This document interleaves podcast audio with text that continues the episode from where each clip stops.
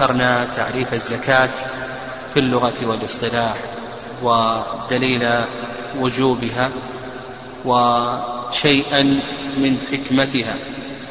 وشرعنا في شروط وجوب الزكاة وأن المؤلف رحمه الله تعالى قال تجب بشروط خمسة حرية. وذكرنا أن الرقيق لا تجب عليه الزكاة لأن الرقيق مال بل إذا كان يباع ويشترى فإن الزكاة تجب فيه لكونه من عروض التجارة. وهل تجب الزكاة في مال المكاتب أو لا تجب الزكاة في مال المكاتب؟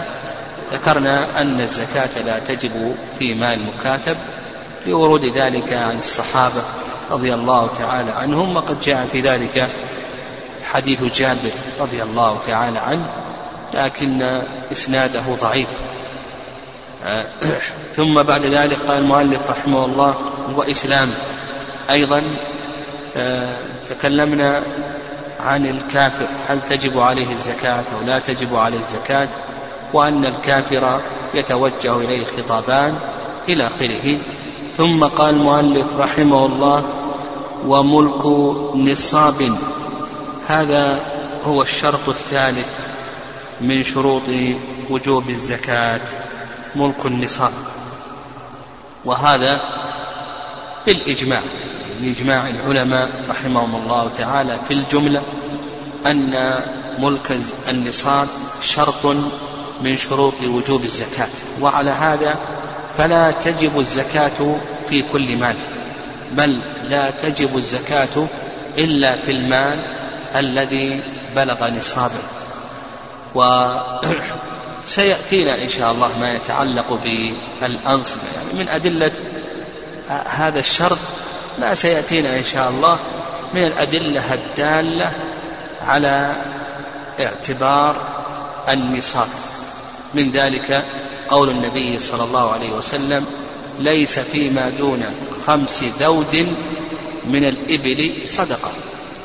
ليس فيما دون خمس ذود من الإبل صدقة ولا فيما دون خمسة أوسق صدقة ولا فيما دون خمس أواق صدقة. إلى آخره هذه الأدلة كما سيأتينا إن شاء الله تدل على شرطية النصاب.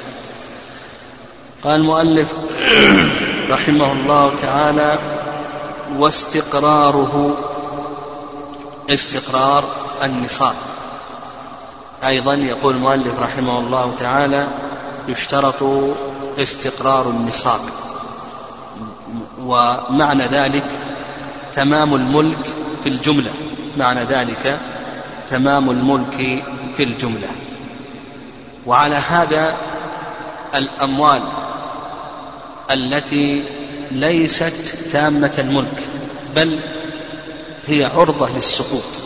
يعني بل هي عرضة للسقوط.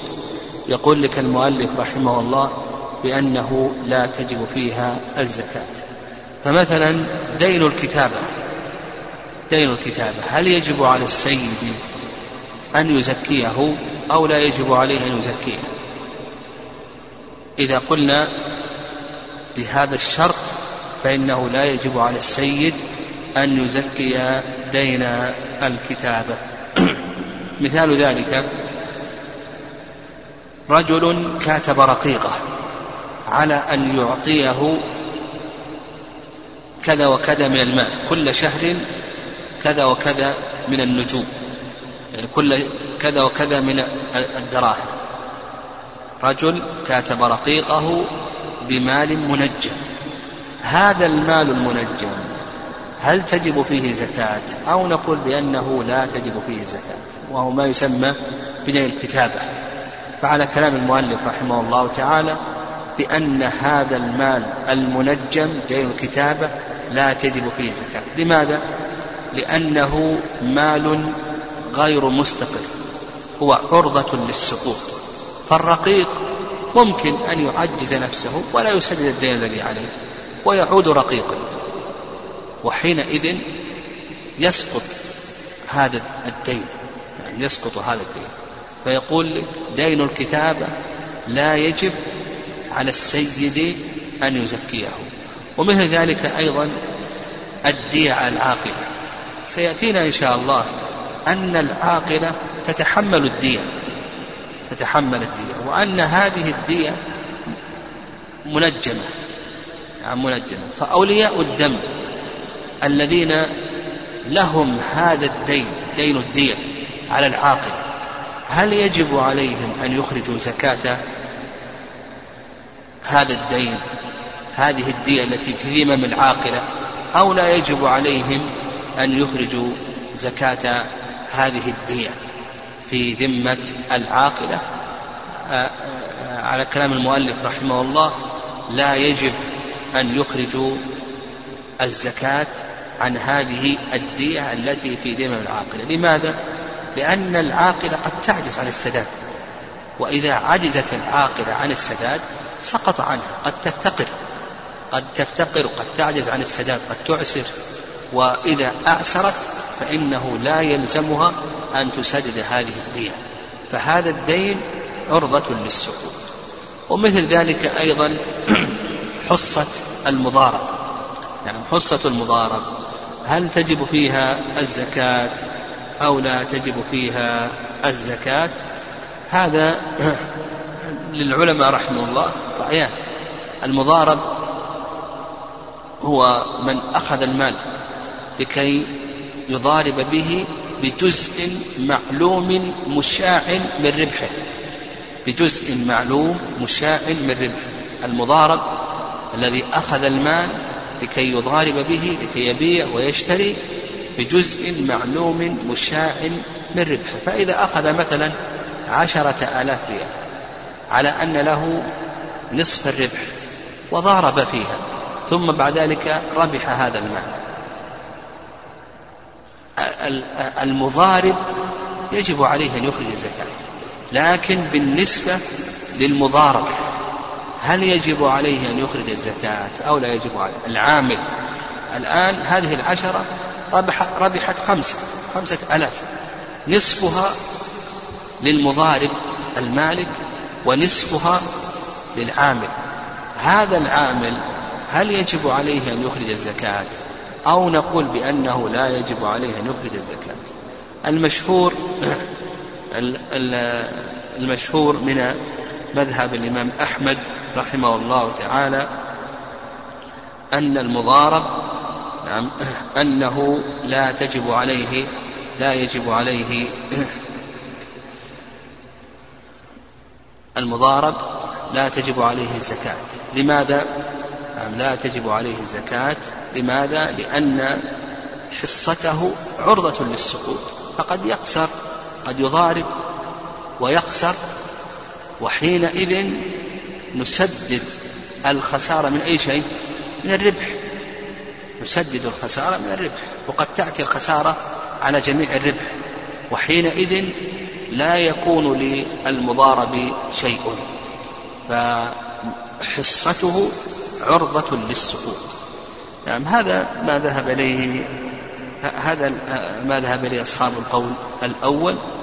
والرأي الثاني في هذه المسألة والرأي الثاني في هذه المسألة أن المضارب يجب عليه أن يزكي تجب الزكاة في حصة المضارب قبل القسمة إذا كانت تبلغ نصابا وهذا اختيار الشيخ السعدي رحمه الله تعالى للعمومات.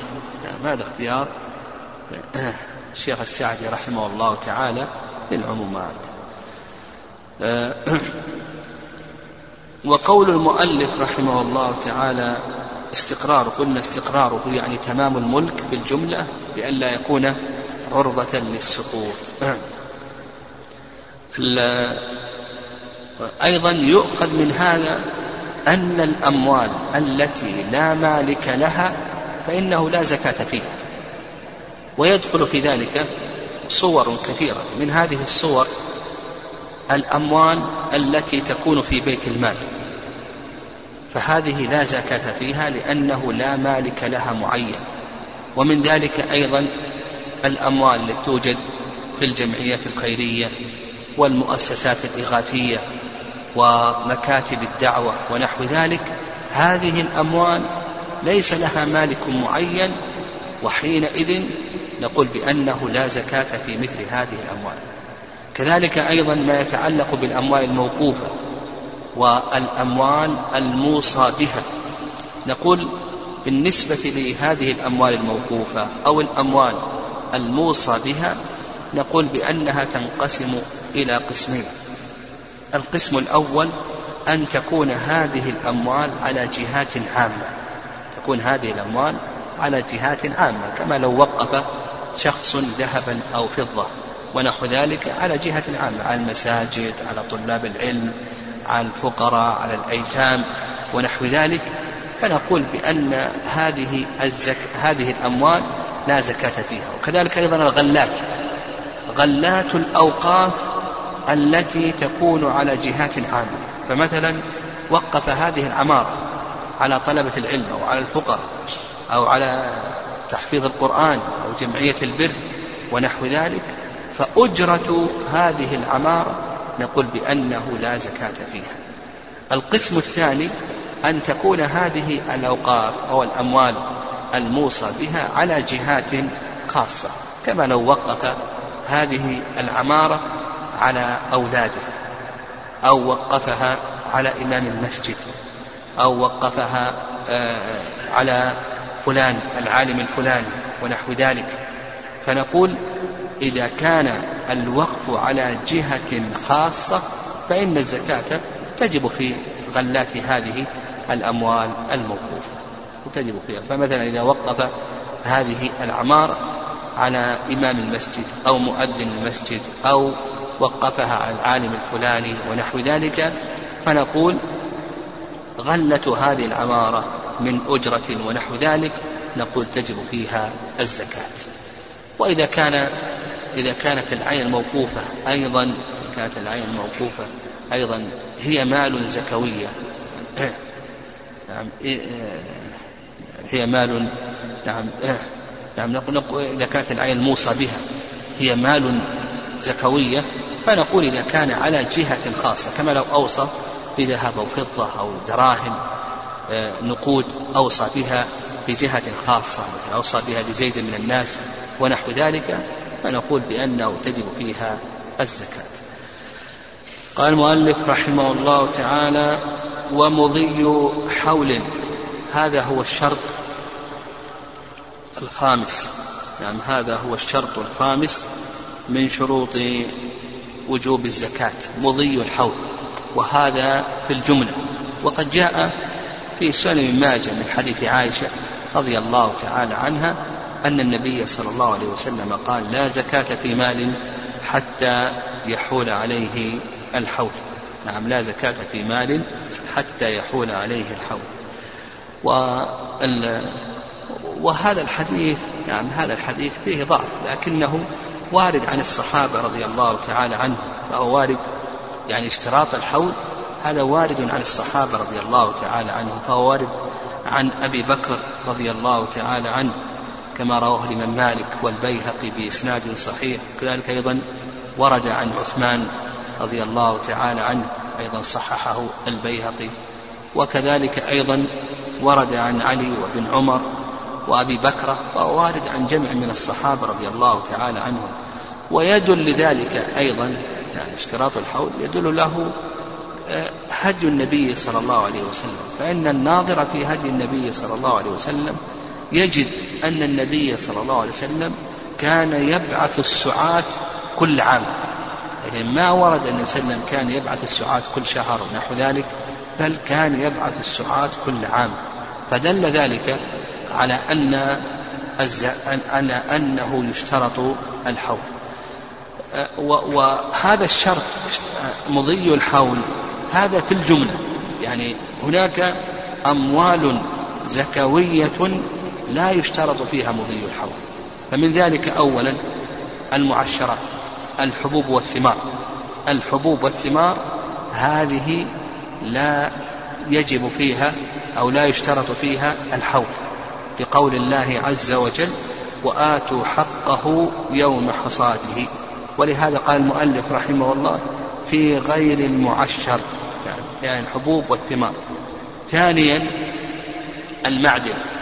المعدن فإذا استخرج نصابا كما سيأتينا هل تجب الزكاة في المعدن أو لا تجب المهم إذا قلنا بوجوب الزكاة في المعدن فإنه تجب فيه الزكاة. ثالثا العسل. العسل وسيأتينا أن المشهور مذهب الإمام أحمد ورأي أبي حنيفة أن العسل تجب فيه الزكاة. فإذا أخرج نصابا فإنه يجب عليه الزكاة. رابعا قال المؤلف رحمه الله إلا نتاج السائمة وربح التجارة. هذا الرابع والخامس. نتاج السائمة وربح التجارة.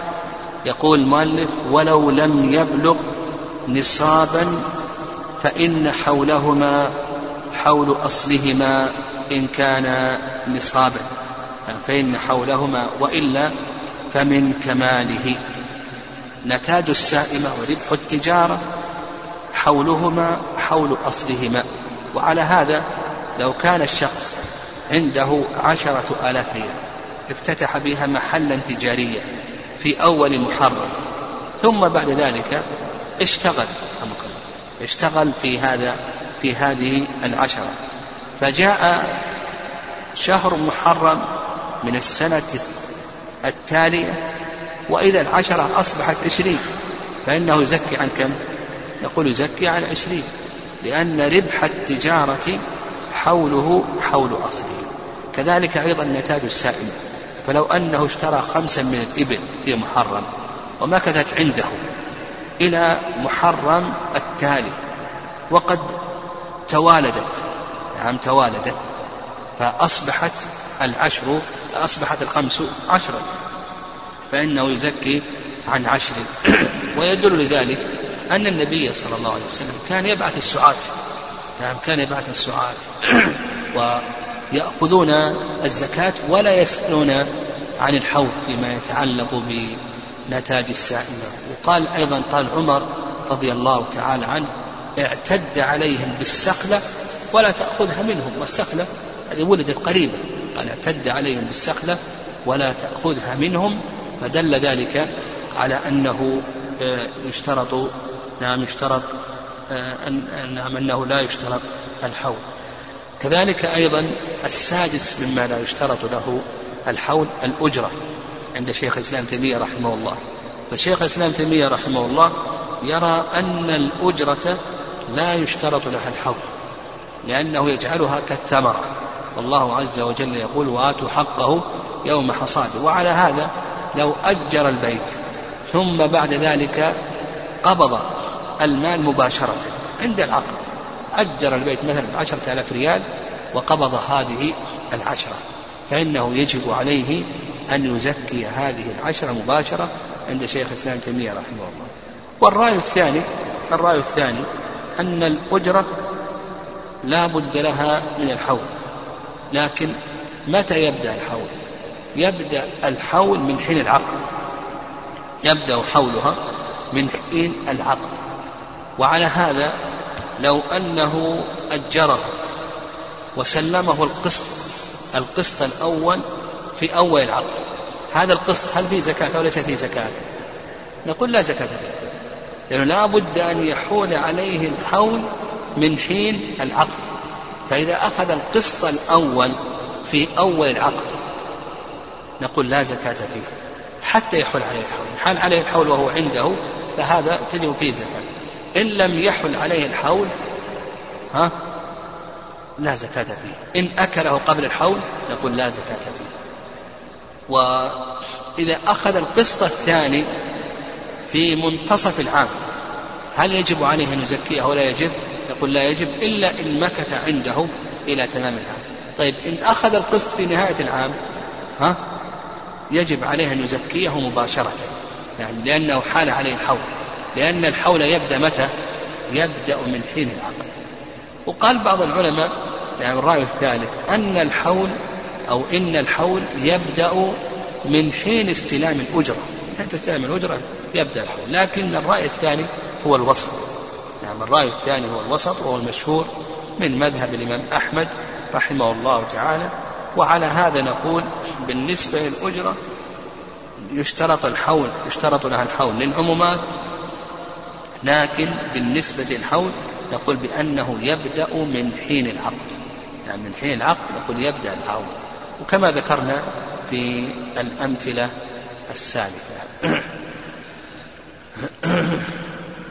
نعم فهذه آه، ستة أو سبعة. نعم هذه لا زكاة فيها. نعم. طيب.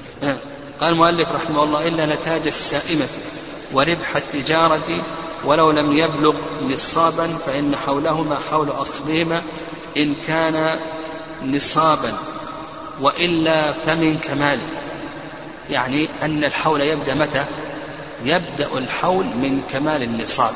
وعلى هذا لو أن شخصا عنده ثلاثون شاة من الغنم اشتراها في محرم وهي سائمة تركها ترعى المباح.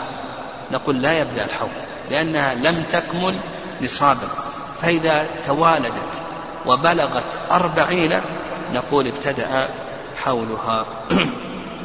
قال رحمه الله وإلا فمن كماله قال ومن كان له دين. إلى آخره. ظاهر كلام المؤلف رحمه الله تعالى أنه ليس من شروط وجوب الزكاة التكليف. وعلى هذا تجب الزكاة في أموال الصغار وأموال المجانين. الصلاة كما تقدم لنا يشترط لوجوبها التكليف. لكن بالنسبة للزكاة ظاهر كلام المؤلف رحمه الله تعالى أنه آه، لا تجب فيه آه، أنه تجب أنه لا يشترط تكليف وأن الزكاة تجب في أموال القصة من الصغار والمجانين. وهذا هو قول جمهور أهل العلم رحمهم الله تعالى. هذا قول جمهور أهل العلم. ويدل ذلك ما ورد عن عمر رضي الله تعالى عنه أنه قال ابتغوا في أموال اليتامى كي لا تأكلها الصدقة. ابتغوا في أموال اليتامى كي لا تأكلها الصدقة رواه البيهقي صححه البيهقي وقد روي ذلك مرفوعا للنبي صلى الله عليه وسلم من حديث عبد الله بن عمر رضي الله تعالى عنهما لكنه ضعيف لا يثبت عن عن عمر رضي الله تعالى عن النبي صلى الله عليه وسلم. وكذلك أيضا ورد عن جمع من الصحابة ورد عن علي وكذلك أيضا عائشة وابن عمر وجابر. وللعمومات نعم وللعمومات. الرأي الثاني في المسألة أن الزكاة تجب في مال الصغير والمجنون إلا في الزروع والثمار. الزروع والثمار لا تجب الزكاة فيها وهذا رأي أبي حنيفة رحمه الله تعالى. والرأي الثالث نعم الرأي الثالث قال به النخعي وشريح ونعم قال به أن الزكاة تجب في أموال قصة. أن الزكاة لا تجب في أموال قصة. في حديث رفع القلم عن ثلاثة. نعم قول النخعي وشريح أن الزكاة لا تجب في أموال قصر من المجانين والصغار. بحديث رفع القلم عن ثلاثة. لكن هذا الحديث آه، نقول بأن القلم المقصود بذلك هو قلم نعم آه، قلم الإثم. يعني أنهم لا يأثمون لا يأثمون وهذا وجه. الوجه الثاني أن أن لو قلنا بأن المقصود هو قلم التكليف نقول هذا خاص فيما يتعلق بالتكاليف البدنية المحضة أو التكاليف المركبة من المال والبدن. أما التكاليف المالية فهذه لا علاقة لها بالأبدان. والقلم قلم التكليف رفع عن الصغير والمجنون لنقص يعني لنقص أبدانهم. قال رحمه الله تعالى ومن كان له دين أو حق من صداق وغيره على مليء أو غيره أدى زكاته إذا قبضه لما مضى. نعم. هذه المسألة هل تجب الزكاة في الديون؟ الزكاة هل تجب الزكاة في الديون؟ آه أو أن الزكاة لا تجب في الدين. هذه المسألة موضع خلاف بين أهل العلم رحمهم الله تعالى وأوسع المذاهب في إيجاب الزكاة في الديون هم الشافعية. والحنابلة في المرتبة الثانية بعدهم لكن الشافعية أوسع من الحنابلة رحمهم الله تعالى. فالشافعية والحنابلة يرون وجوب الزكاة يعني يرون وجوب الزكاة في الديون وأضيق المذاهب في ذلك هو مذهب الظاهرية فإن الظاهرية لا يرون الزكاة في الديون. المؤلف رحمه الله يقول من كان له دين أو حق من صداق أو غيره على مليء أو غيره أدى زكاته إذا قبضه لمن يعني إذا كان لك دين أو حق صداق أو قيمة مبيع أو أرش جناية ثمن مبيع أو قيمة متلف أو أرش جناية أو دين إلى آخره. تؤدي إذا قبضته تؤدي زكاته لما مضى من السنوات. ولنفرض أن الدين مكث عند زيد عشر سنوات. ثم قبضته بعد عشر سنوات. يجب عليك أن تزكيه بعشر سنوات لما مضى. سواء كان هذا الدين أو الحق على ملي أو معصر وسواء كان على بادل أو مماطل تجب الزكاة مطلقا. وهذا هو مذهب الإمام أحمد رحمه الله وكذلك أيضا ومذهب الشافعي. إلا أن الفرق بين الحنابلة والشافعية يعني مذهب الشافعية في الجملة إلا أن الفرق بين الحنابلة والشافعية أن الحنابلة يقولون قبض زك قبض أدى زكاته لما مضى يعني ما يجب عليك أنك تزكي كل عام بعامه. يقولون إن زكيت كل عام بعامه هذا أفضل وإن تركت الزكاة يقولون إن زكيت كل عام بعامه هذا أفضل وإن تركت الزكاة فهذا جائز. لكن إذا قبضته تخرج الزكاة عن جميع السنوات الماضية. الشافعية يقولون تزكي كل عام بعامه. نعم تزكي كل عام بعامه. فالخلاصة في ذلك خلاصة في ذلك أن مذهب الشافعية والحنابلة إيجاب الزكاة في الديون مطلقا سواء كانت على مليء أو غير مليء على بادل أو مماطل تجب الزكاة مطلقا. هذا هو الرأي الأول ودليلهم على ذلك نعم دليلهم على ذلك آه العمومات عمومات الأدلة. ولا شك أن الدين مال أن الدين مال ولهذا يصح أن تبيع الدين كما سيأتينا إن شاء الله. يعني كما سيأتينا إن شاء الله في المعاملات يصح أن تبيع الدين. على من هو عليه وأن تبيع الدين على غير من هو عليه وأن تحيل عليه وأن تتصرف فيه بالإبرة ويورث إلى آخره. فلا شك أن الدين مال فيكون داخلا في قول الله عز وجل وفي أموالهم حق معلوم للسائل والمحروم وقول الله عز وجل خذ من أموالهم أخبرهم أن الله افترض عليهم صدقة في أموالهم لا شك أن الدين مال. وأيضا هو آه، الوارد عن الصحابة رضي الله تعالى عنهم. وإن كان عندهم تفصيل لكن الوارد عن الصحابة رضي الله تعالى عنهم كعمر وعثمان وجابر وابن عمر إلى آخره.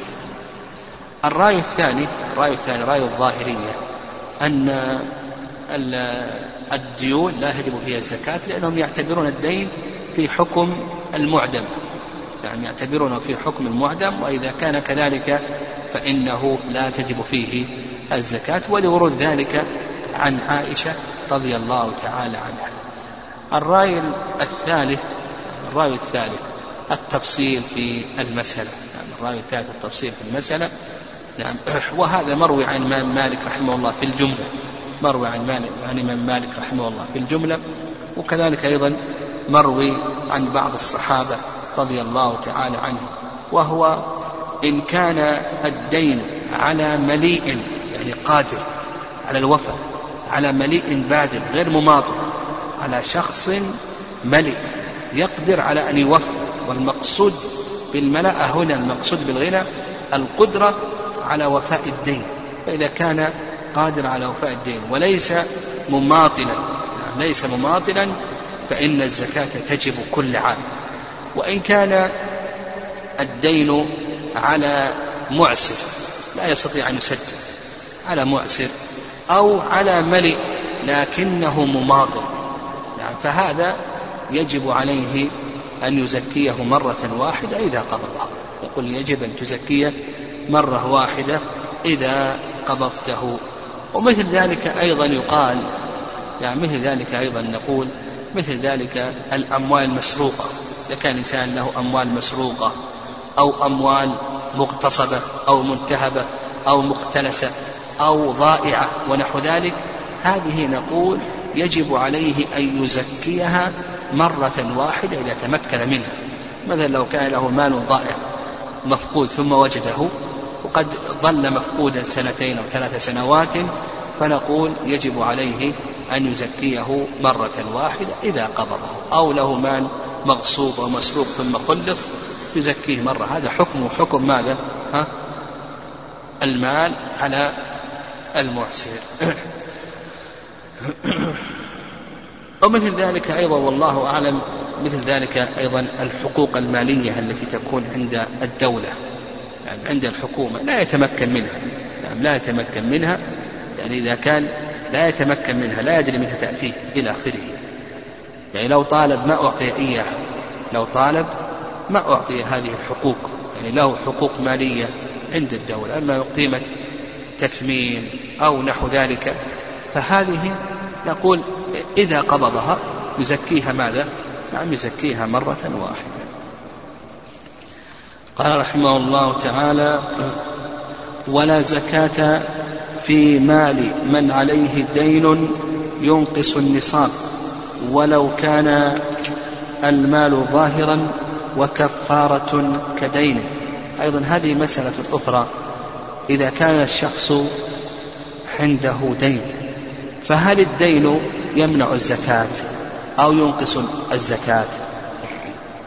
المؤلف رحمه الله يقول بأن الدين يمنع الزكاة أو ينقص الزكاة بحسبه. وعلى هذا لو كان عند الشخص مئة ألف وعليه دين مئة ألف لا زكاة عليه. ولو كان عنده مئة ألف وعليه دين تسعون ألف يزكي عن كم؟ يزكي عن عشرة. هذا المشهور من مذهب الإمام أحمد رحمه الله تعالى. الرأي الثاني ضد ذلك هو رأي الشافعية أن الدين لا يمنع الزكاة ولا ينقص الزكاة فإذا كان عليه دين مئة ألف وعنده مال مئة ألف وقد حال الحول على هذا المال يعني حال الحول على هذا المال فنقول بأنه ماذا؟ حال الحول على هذا المال نقول يجب عليه أن يزكيه. القول الثالث التفصيل بين الأموال الظاهرة وبين الأموال الباطنة. ولهذا قال المؤلف رحمه الله تعالى ولو كان ظاهرا. نعم ولو كان ظاهرا. فالرأي الثالث التفصيل. يقولون إن كان المال ظاهرا فإن الدين لا يمنع الزكاة. والأموال الظاهرة هي الخارج من الأرض الحبوب والثمار والسائل هذه أموال ظاهرة. يعني وهذا قول مالك. إذا كان المال ظاهرا فإن الدين لا يمنع الزكاة. وإن كان باطنا كان باطنا فإن الدين يمنع الزكاة. والباطن ما هو الباطن؟ اثنان عروض التجارة والأثمان الذهب والفضة. يعني وهذا القول يعني تفصيل بين الأموال الظاهرة والباطنة. يعني أن هذه الأموال الزكوية ظاهرة وهذه باطنة هذا فيه نظر. يعني ماذا؟ فيه نظر. يعني رجل الآن عنده محلات تجارية إلى آخره هذه من أظهر الأموال. يعني هذه من أظهر الأموال. إيه، يعني أو يبيع ويشتري في هذه المحلات التجارية. عنده محلات ورجل عنده نخلات في مكان أو عنده آه، إبل في البر. كيف تكون هذا ظاهر وهذا ليس ظاهرا؟ فهذا التفريق يعني بين الظاهر والباطن هذا التفريق هذا فيه نظر. على كل حال الرأي الثالث التفريق بين الأموال الظاهرة والباطنة. فالأموال الزكوية الظاهرة لا يمنع والباطنة يمنع. وهم يستدلون على ذلك بأن نعم يستدلون على ذلك بأن بأن النبي صلى الله عليه وسلم كان يبعث السعاة لأخذ زكاة المال الظاهر. الحبوب والثمار والسائل. ومع ذلك ما كان السعاة يستفصلون. يعني ما كان السعاة يستفصلون أرباب الأموال. هل عليهم ديون أو لا؟ والغالب أن آه، أصحاب الزروع والثمار تلحقهم ديون ما كانوا يستفصلون. والذين قالوا يمنع مثل ما قال المؤلف رحمه الله تعالى استدلوا بقول عثمان رضي الله تعالى عنه أيها الناس إن هذا شهر زكاتكم فمن كان عليه دين فليؤدي والذين قالوا لا يمنع كما هو رأي الشافعي رحمه الله قالوا بأن العمومات يعني العمومات تدل أن وجوب الزكاة في هذه الأموال. وما دام أن الزكاة آه، آه، العمومات دلت على وجوب الزكاة فجهة الدين جهة منفكة. يعني جهة منفكة. فالدين يتعلق بالذمة والزكاة تتعلق بعين هذه آه، الأموال. أعيان هذه الأموال فالجهة منفكة. والذي يظهر والله أعلم أن الدين لا أثر له في إسقاط الزكاة أو نقص الزكاة. يعني لكن يعني بعض بعض الباحثين بعض الباحثين قال بأن الدين يسقط أو يمنع الزكاة بشرطين. الشرط الأول أن يكون الدين حالا. الشرط الأول أن يكون الدين حالا والشرط الثاني أن يكون الدين في الأمور الأصلية في الحوائج الأصلية أو في الحوائج الضرورية الحوائج الأصلية أو الضرورية. إذا توفر الشرطان توفر الشرطان فإن الدين يمنع. إذا لم يتوفر الشرطان فإنه لا يمنع. وهذا القول قريب يعني هذا التفصيل جيد. وعلى هذا نقول مثلا إنسان يعني إنسان يحتاج إلى طعام واشترى هذا الطعام وعليه دين حال يقول اخصم الدين للزكاة. يعني اخصم الدين يحتاج إلى طعام أو يحتاج إلى منزل والقسط الآن حال واشترى منزل والقسط الآن حال يريد أن يسدد. يقول اخصم هذا القسط من الزكاة. توفر الشرطان يكون في الأمور الضرورية والحاجية الأصلية والحاجية وكذلك أيضا يكون الدين حالا أما إذا كان في الأمور الكمالية إلى آخره فإنه لا أثر للدين على الزكاة. قال المؤلف رحمه الله وكفارة كدين. نعم كفارة يقول المؤلف رحمه الله الكفارة كالدين يعني أنها تنقص النصاب أو آه، تنقص الزكاة أو أنها تمنع الزكاة. فمثلا لو كان عليه كفارة يمين. نعم كفارة يمين. وحال الحول. يقول اخصم كفارة اليمين. كفارة اليمين مثلا تحتاج إلى أن يشتري طعاما لعشرة مساكين بسبعين ريال. نقول اخصم سبعين ريال لا آه، من الزكاة. لا تجب فيها. نعم لا تجب فيها الزكاة. فلو كان عنده مثلا ألف وعليه كفارتان نقول اخصم قيمة كفارتين لا زكاة لا زكاة فيهما. هذا ما ذهب إليه المؤلف رحمه الله. وكما تقدم ومثله أيضا النذر إلى آخره يعني الديون يعني كلام المؤلف لأن ديون الله سبحانه وتعالى كديون الآدميين تسقط الزكاة أو تمنع تنقص الزكاة أو تمنع الزكاة. قال رحمه الله وإن ملك نصابا صغارا انعقد حوله حين ملكه نعم. انعقد حوله حين ملكه وحينئذ تجب الزكاة في الصغار. لكنه إذا أراد أن يخرج فإنه يخرج كبيرة. يعني أنثى كبيرة كما سيأتينا إن شاء الله. ويدل لذلك قول عمر رضي الله تعالى عنهم رضي الله تعالى عنه اعتد عليهم بالسخلة ولا تأخذها منه. وقول علي رضي الله تعالى عنه عد عليهم الكبار والصغار. فالزكاة كما تجب في الكبار تجب أيضا في الصغار. قال رحمه الله وإن نقص النصاب في بعض الحول أو باعه أو أبدله بغير جنسه لا فرارا من الزكاة انقطع الحول. إذا نقص النصاب في بعض الحول نعم أو باعه أو أبدله بغير جنسه يقول لك المؤلف رحمه الله لا فرارا من الزكاة انقطع الحول. نقص النصاب. النصاب مثلا في الإبل خمس. لو أنه أكل واحدة. قبل أن يحول الحول ذبح واحدة وأكلها. نقول انقطع الحول الآن. فلا فلا تجب الزكاة حتى تكمل نصابا وإذا اكتملت نصابا بدأ الحول من جديد. بدأ الحول من جديد إذا كان عنده خمس من الإبل وقبل أن يحول الحول بشهر مثلا أكل واحدة. نقص النصاب الآن. فما دام أن النصاب نقص نقول بأن الحول انقطع. فلا بد أن يكمل النصاب. فإذا كمل النصاب فإنه يستأنف الحول من جديد. أو باعه يعني أخذ آه، بعيرا من هذه الخمس وباعه إن كان فرارا من الزكاة عمل بنقيض قصده وإن لم يكن فرارا من الزكاة ولكنه احتاج إلى ثمن هذا البعير نقول بأن الحول انقطع نقول بأن الحول انقطع.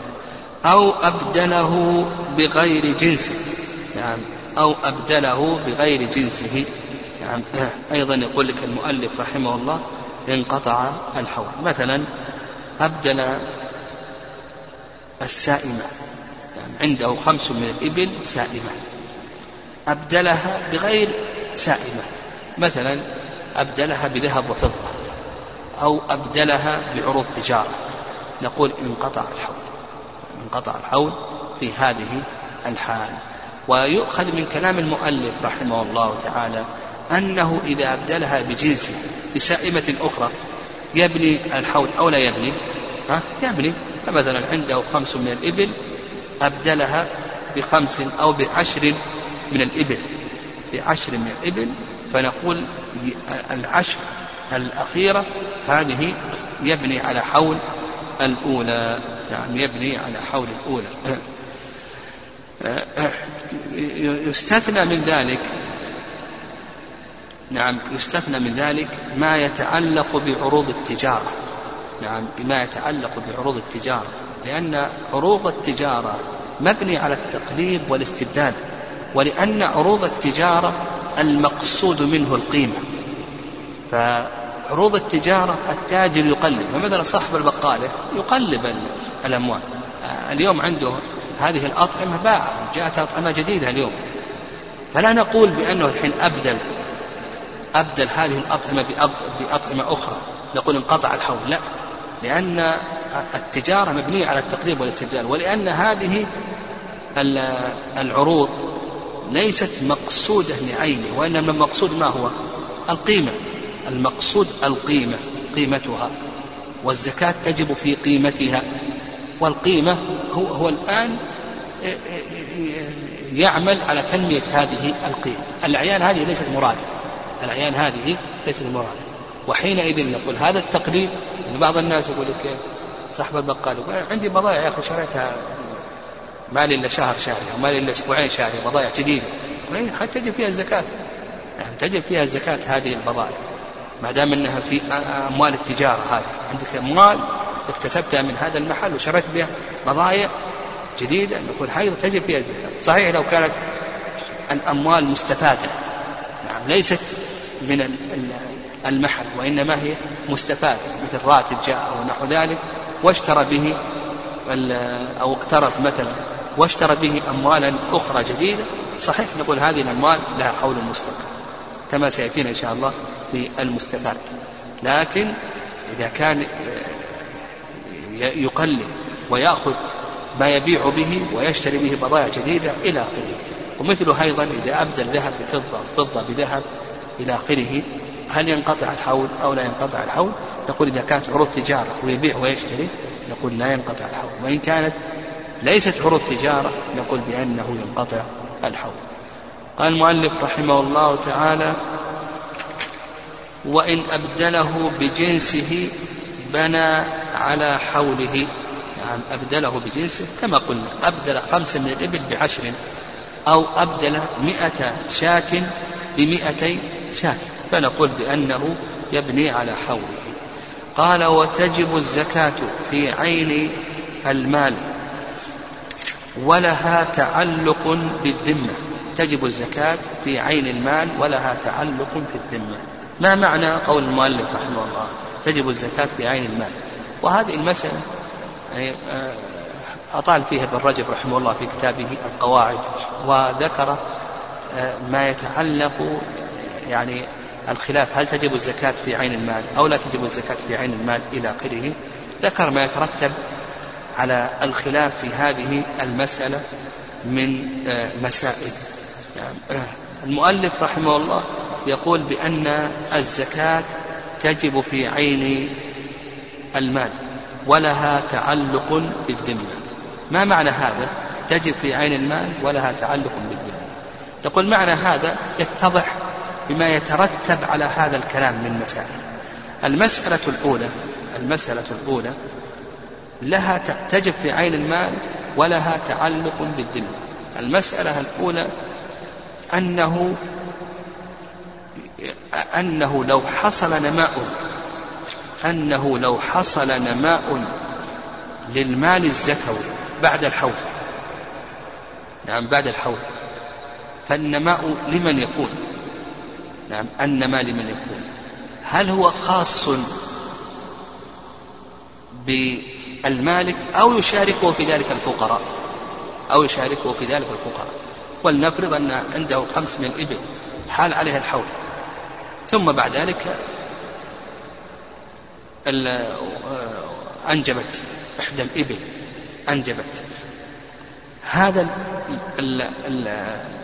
البعير النمى هل هو خاص بالمالك أو نقول يشاركه قول المؤلف ولها تعلق بالذمة.